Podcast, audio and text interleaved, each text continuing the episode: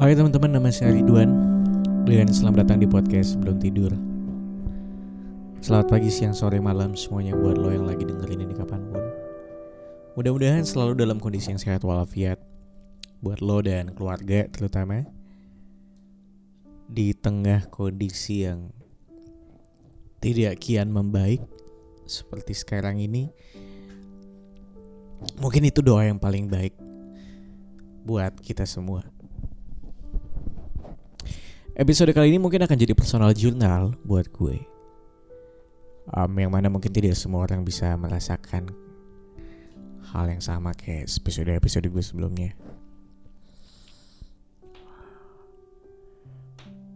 And maybe mungkin beberapa dari lo juga ada yang udah ada yang tahu dari Instagram gue. Um, ketika kemarin di beberapa episode sebelumnya gue pernah bilang, um, bapak dan ibu saya lagi kena covid. Um, dan kemarin pertanggal 2 Juli ayah saya meninggal. Dan saya pulang um, kemudian um, selang enam hari kemudian tanggal 8 Juli ibu saya juga um, meninggal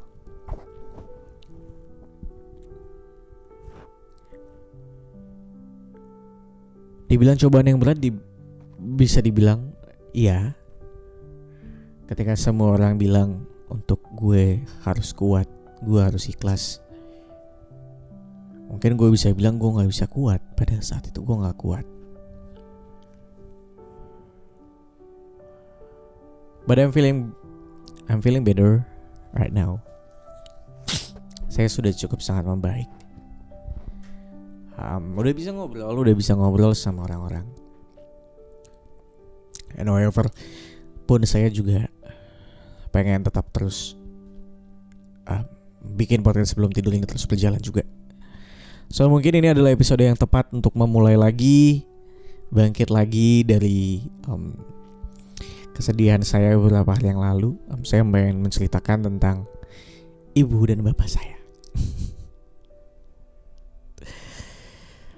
Aku bisa bilang mungkin udah pernah aku bilang juga di beberapa episode sebelumnya kalau aku sudah hampir 7 tahun jauh dari rumah.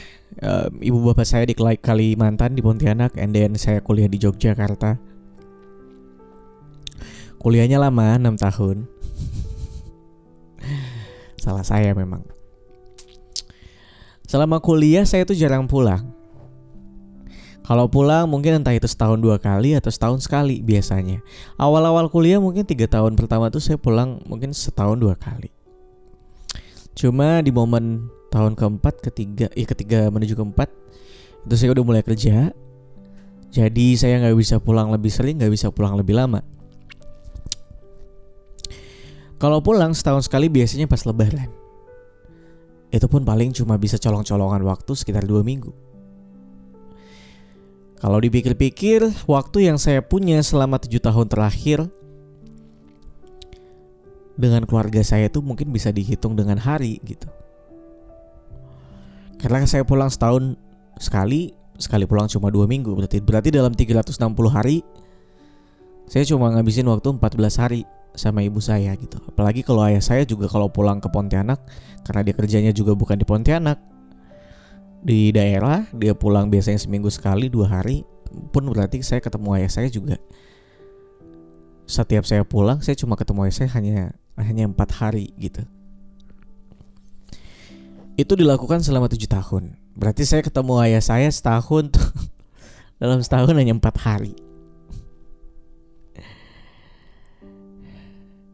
Sedih sih awal-awal tidak ya sama kayak anak SMA pada umumnya ketika keluar dari rumah tuh berasa pengen ngerasain kebebasan.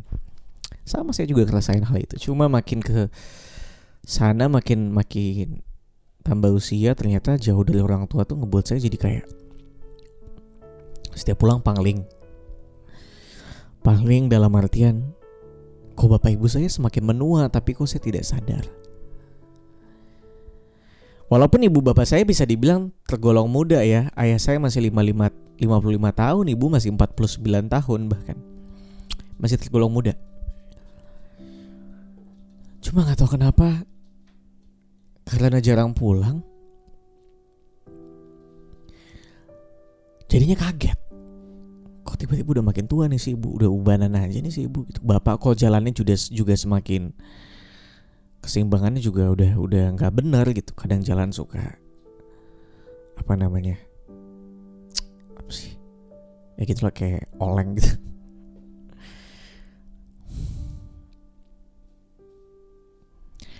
Kemudian um, emang beberapa kali itu saya sempat berpikir apa saya pulang aja lulus kuliah. Terus waktu itu saya sempat pulang. Setelah saya lulus kuliah saya pulang sebulan. Mencoba untuk mencari pekerjaan di Pontianak dan ternyata sulit sekali. Saya malah dapet di Jakarta. Saya bertahan 8 bulanan di Jakarta dari Oktober 2020 kemarin sampai Juli Juni lah sampai Juni 2021 kemarin.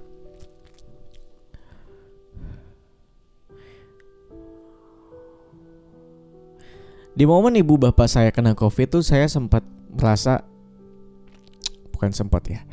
Tapi itu saya optimis. Udahlah virusnya 14 hari bakalan mati. Pasti ibu bapak saya akan sembuh dengan sendirinya gitu.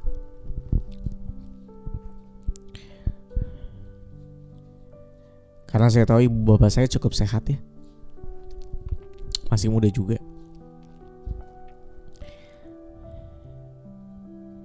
Sampai akhirnya bapak saya meninggal di tanggal 2 Juli kemarin. Kemudian selang enam hari, ibu saya juga meninggal di tanggal 8 Juli.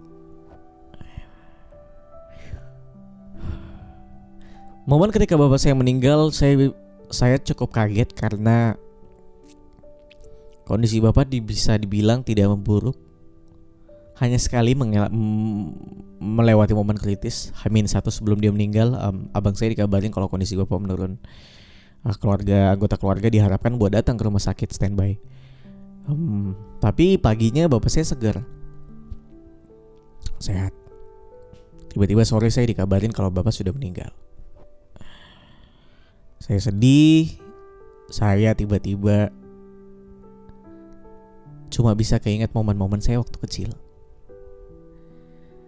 Karena saya nggak punya momen-momen di mana ketika saya sudah dewasa itu punya momen-momen yang intimate sama ayah saya. Yang ada di kepala saya cuma waktu saya kecil saya sering banget tuh nungguin di teras rumah jam 5 sore nungguin ayah saya buat pulang Terus saya sudah duduk di teras dengan mobil remote control saya. Untuk saya minta ya saya buat dianterin ke lapangan tenis, ditemenin ke lapangan tenis biar saya bisa main mobil kontrol sepuasnya di lapangan tenis dekat kantor waktu itu. Ya udah, pokoknya setiap ayah saya pulang kantor, Udah tuh dia belum masuk rumah, saya langsung naik ke motornya, terus kita pergi ke lapangan tenis dekat kantornya, saya mainin mobil remote control saya. Dia cuma duduk di tepian ngeliatin saya main, udah. Kita main 15-30 menit habis itu kita pulang. Hampir setiap hari saya lakuin momen-momen itu. Kadang saya juga ingat uh, momen-momen ketika ibu saya lagi ada urusan di luar kota gitu ya. Saya cuma berdua di rumah sama uh, bapak saya karena kebetulan abang saya pun waktu itu tidak sekolah di rumah, dia memilih tinggal untuk sama nenek waktu itu. Jadi saya cuma berdua di rumah malam-malam. Um, bapak saya kerja di pabrik kelapa sawit.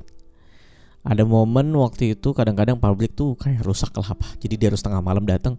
Saya dibangunin, dibangunin untuk ikut saya masih SD waktu itu. Dibangunin untuk ikut. Ikut. Ikut ke kantor terus saya tidur di mobil. Ya dia ngurusin kerjaannya. Tengah malam terus saya tidur di mobil. Karena saya nggak mau tidur. Karena saya nggak mau ditinggal sendiri di rumah saya takut. Cuma momen-momen itu yang bisa saya ingat. Waktu saya sama ayah saya. Sedih karena saya jauh dari rumah kadang tuh kayak suka kepikiran aduh saya udah nggak bisa lagi banyak lewatin momen sama ayah saya karena tujuh tahun ya jauh dari rumah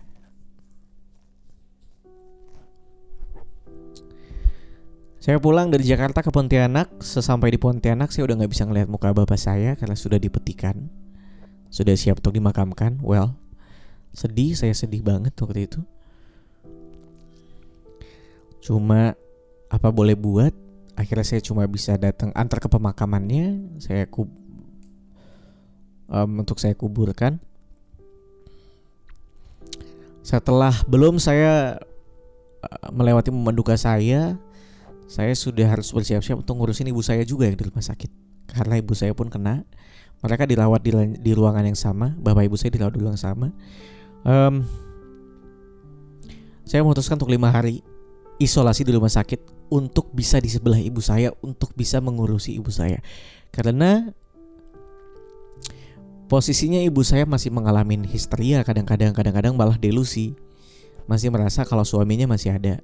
Kadang-kadang suka nanyain saya, itu saturasi oksigen Bapak sudah dicek belum sama perawatnya padahal momennya Bapak saya sudah dikuburkan. Dia masih suka ngomong sama cucunya kayak um, Almer tungguin Mbah Huti ya sama Mbah Akung nanti buat main ke sana. Padahal situasinya suaminya juga sudah suaminya udah meninggal. Jadi saya memilih untuk merawat ibu saya selama lima hari di rumah sakit, nyuapin, ngobrol kadang-kadang 24 jam. Ngelihat ibu saya um, kesakitan sedih kadang-kadang. Pun kadang-kadang saya nggak kuat mental sih sebenarnya untuk tekanan batin juga untuk ngelihat ibu saya sakit-sakitan di momen di rumah sakit saat itu. Cuma satu sisi mungkin dia akan lebih sakit kalau nggak ada anaknya di sebelahnya waktu itu lalu abang dan adik saya ke mana abang dan adik saya juga kena covid jadi dia harus isolasi di rumah Untungnya mereka nggak perlu dibawa ke rumah sakit. Saya COVID, tidak. Waktu saya memutuskan untuk ke rumah sakit, saya negatif. Cuma di momen itu saya udah di titik yang udahlah. Kalau memang harus positif ya udah nggak apa-apa. Saya cuma berdoa kalaupun memang positif, amit-amit, setidaknya saya diberikan tenaga lebih tidak demam, tidak lemes untuk bisa jagain ibu saya. Dan alhamdulillah Tuhan ngabulin doa saya. Selama lima hari saya benar-benar sehat walafiat. Tidur saya sangat kurang. Tapi nggak tahu kenapa badan saya kuat aja gitu. Untuk untuk untuk ngurusin ibu yang kadang-kadang tengah malam ternyata dia sesak nafas. Selama lima hari di kepala saya cuma kayak ya berarti di hari pernikahan saya di hari mungkin saya nanti punya anak let's say saya cuma bisa nunjukin ke ibu saya bapak saya udah nggak bisa ngelihat momen-momen bahagia itu um, pun saya juga optimis ibu saya sembuh karena ibu saya tidak punya penyakit bawaan ibu saya juga bisa dibilang cukup kuat optimis sekali. Udahlah saya cuma tinggal nunggu hari di mana kondisi ibu saya membaik dan ibu saya bisa pulang ke rumah. Hari demi hari saya lewatin. Ternyata dokter berkata lain. Dokter bilang ibu tidak mengalami progres. Harus dibawa ke ICU untuk dipasang ventilator. Oke. Okay. Menurut saya mungkin ini adalah salah satu solusi supaya ibu bisa segera sembuh. Saya lakukan. Bawa ke ICU, Malamnya dibawa ke ICU, besok pagi saya dikabarin detak jantung ibu melemah, terus dia bilang harus dipasang selang di urat besarnya. Silahkan, saya bilang. Um, dada, dada ibu saya sudah ditekan-tekan sama perawat dan detak jantung ibu mulai naik lagi. Saya semakin optimis. Ah, kayaknya lagi ngelewatin kerikil doang. Abis ini pasti bisa semakin membaik. Kemudian jam 9 pagi saya disuruh untuk menebus obat. Saya ke apotik di rumah sakit itu juga. Saya baru duduk 2 menit, 3 menit, tiba-tiba saya dipanggil sama orang apotik. Saya disuruh untuk ke ICU sekarang juga. Di momen ketika mereka suruh saya untuk langsung ke ICU sekarang juga, saya sudah di titik yang ya kayaknya udah nih Saya datang ke ICU ngelihat dokter dan perawat sudah berkumpul menghadap ke ibu saya. Um,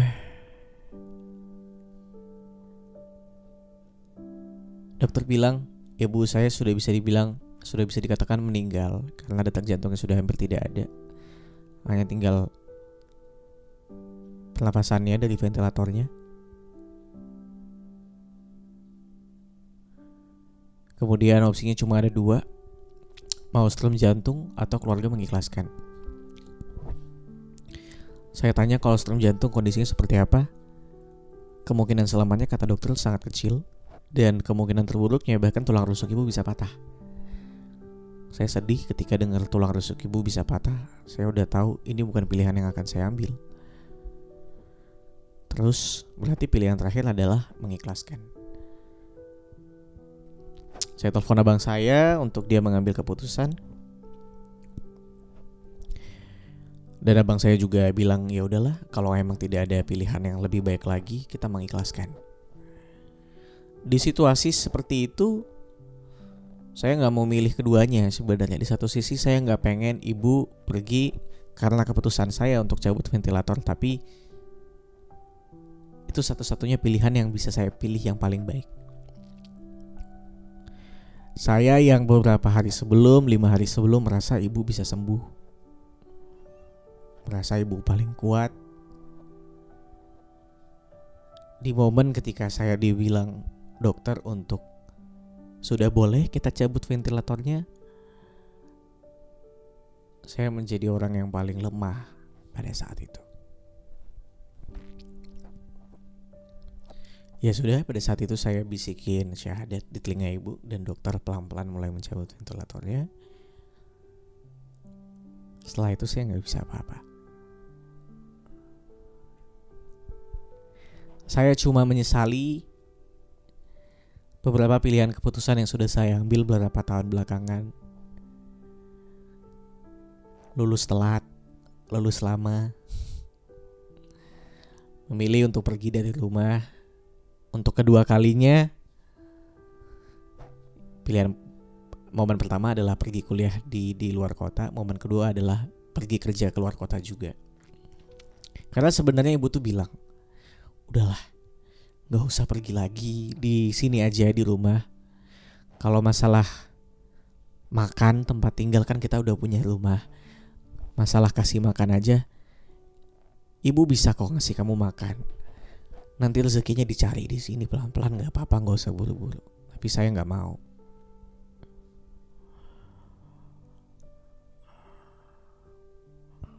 Saya nyesel gitu pergi tujuh tahun dari rumah nggak punya momen yang banyak sama ibu dan bapak saya. Pun ketika kemarin saya pulang saya nggak sempat ngerasain bisa makan malam di meja makan dengan lengkap.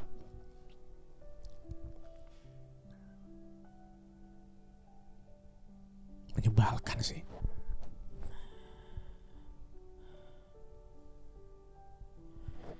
Yang pengen gue sampaikan adalah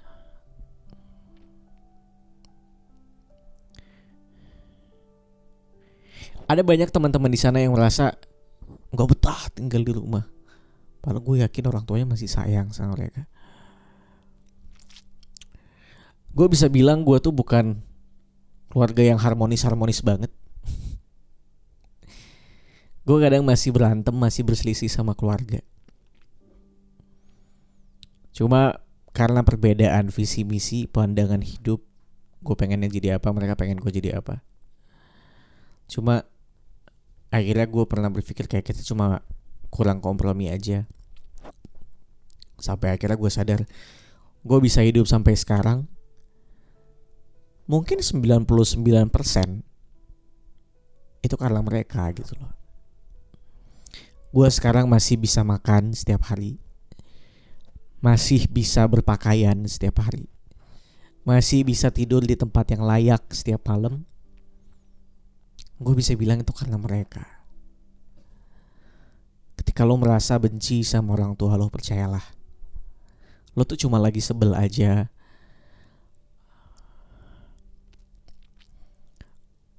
lo tuh terlalu banyak ngelihat hal-hal yang negatif dari orang tua lo. Padahal gue yakin lo bisa sekolah, bisa hidup sampai sekarang tuh dari orang tua lo, men. Gue yakin ketika lo sakit, orang yang paling pertama ngurusin lo tuh keluarga lo. Gak ada yang lain, gak bukan teman-teman lo, keluarga lo.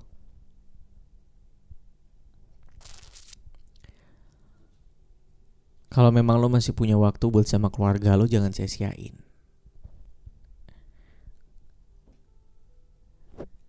Umum sebenarnya untuk statement seperti ini tapi emang gak ada gak ada yang tahu kapan mereka bakalan pergi. Statement yang umum tapi ternyata itu bisa terjadi buat siapa pun. Gue gak expect ini terjadi di gue. Gue gak expect ibu dan ayah gue pergi dalam waktu yang singkat, cepat. Selisih enam hari.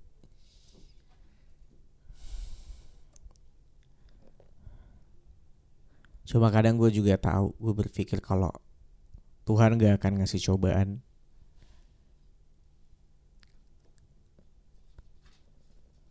Yang lebih berat dari kapabilitas umatnya.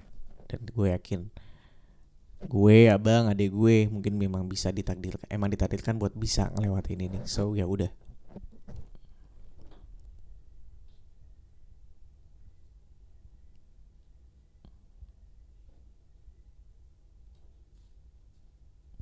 Ini aja teman-teman yang mungkin bisa gue sampaikan di episode podcast sebelum tidur kali ini. Terima kasih banyak udah dengerin. Sampai ketemu lagi di episode selanjutnya. Bye bye.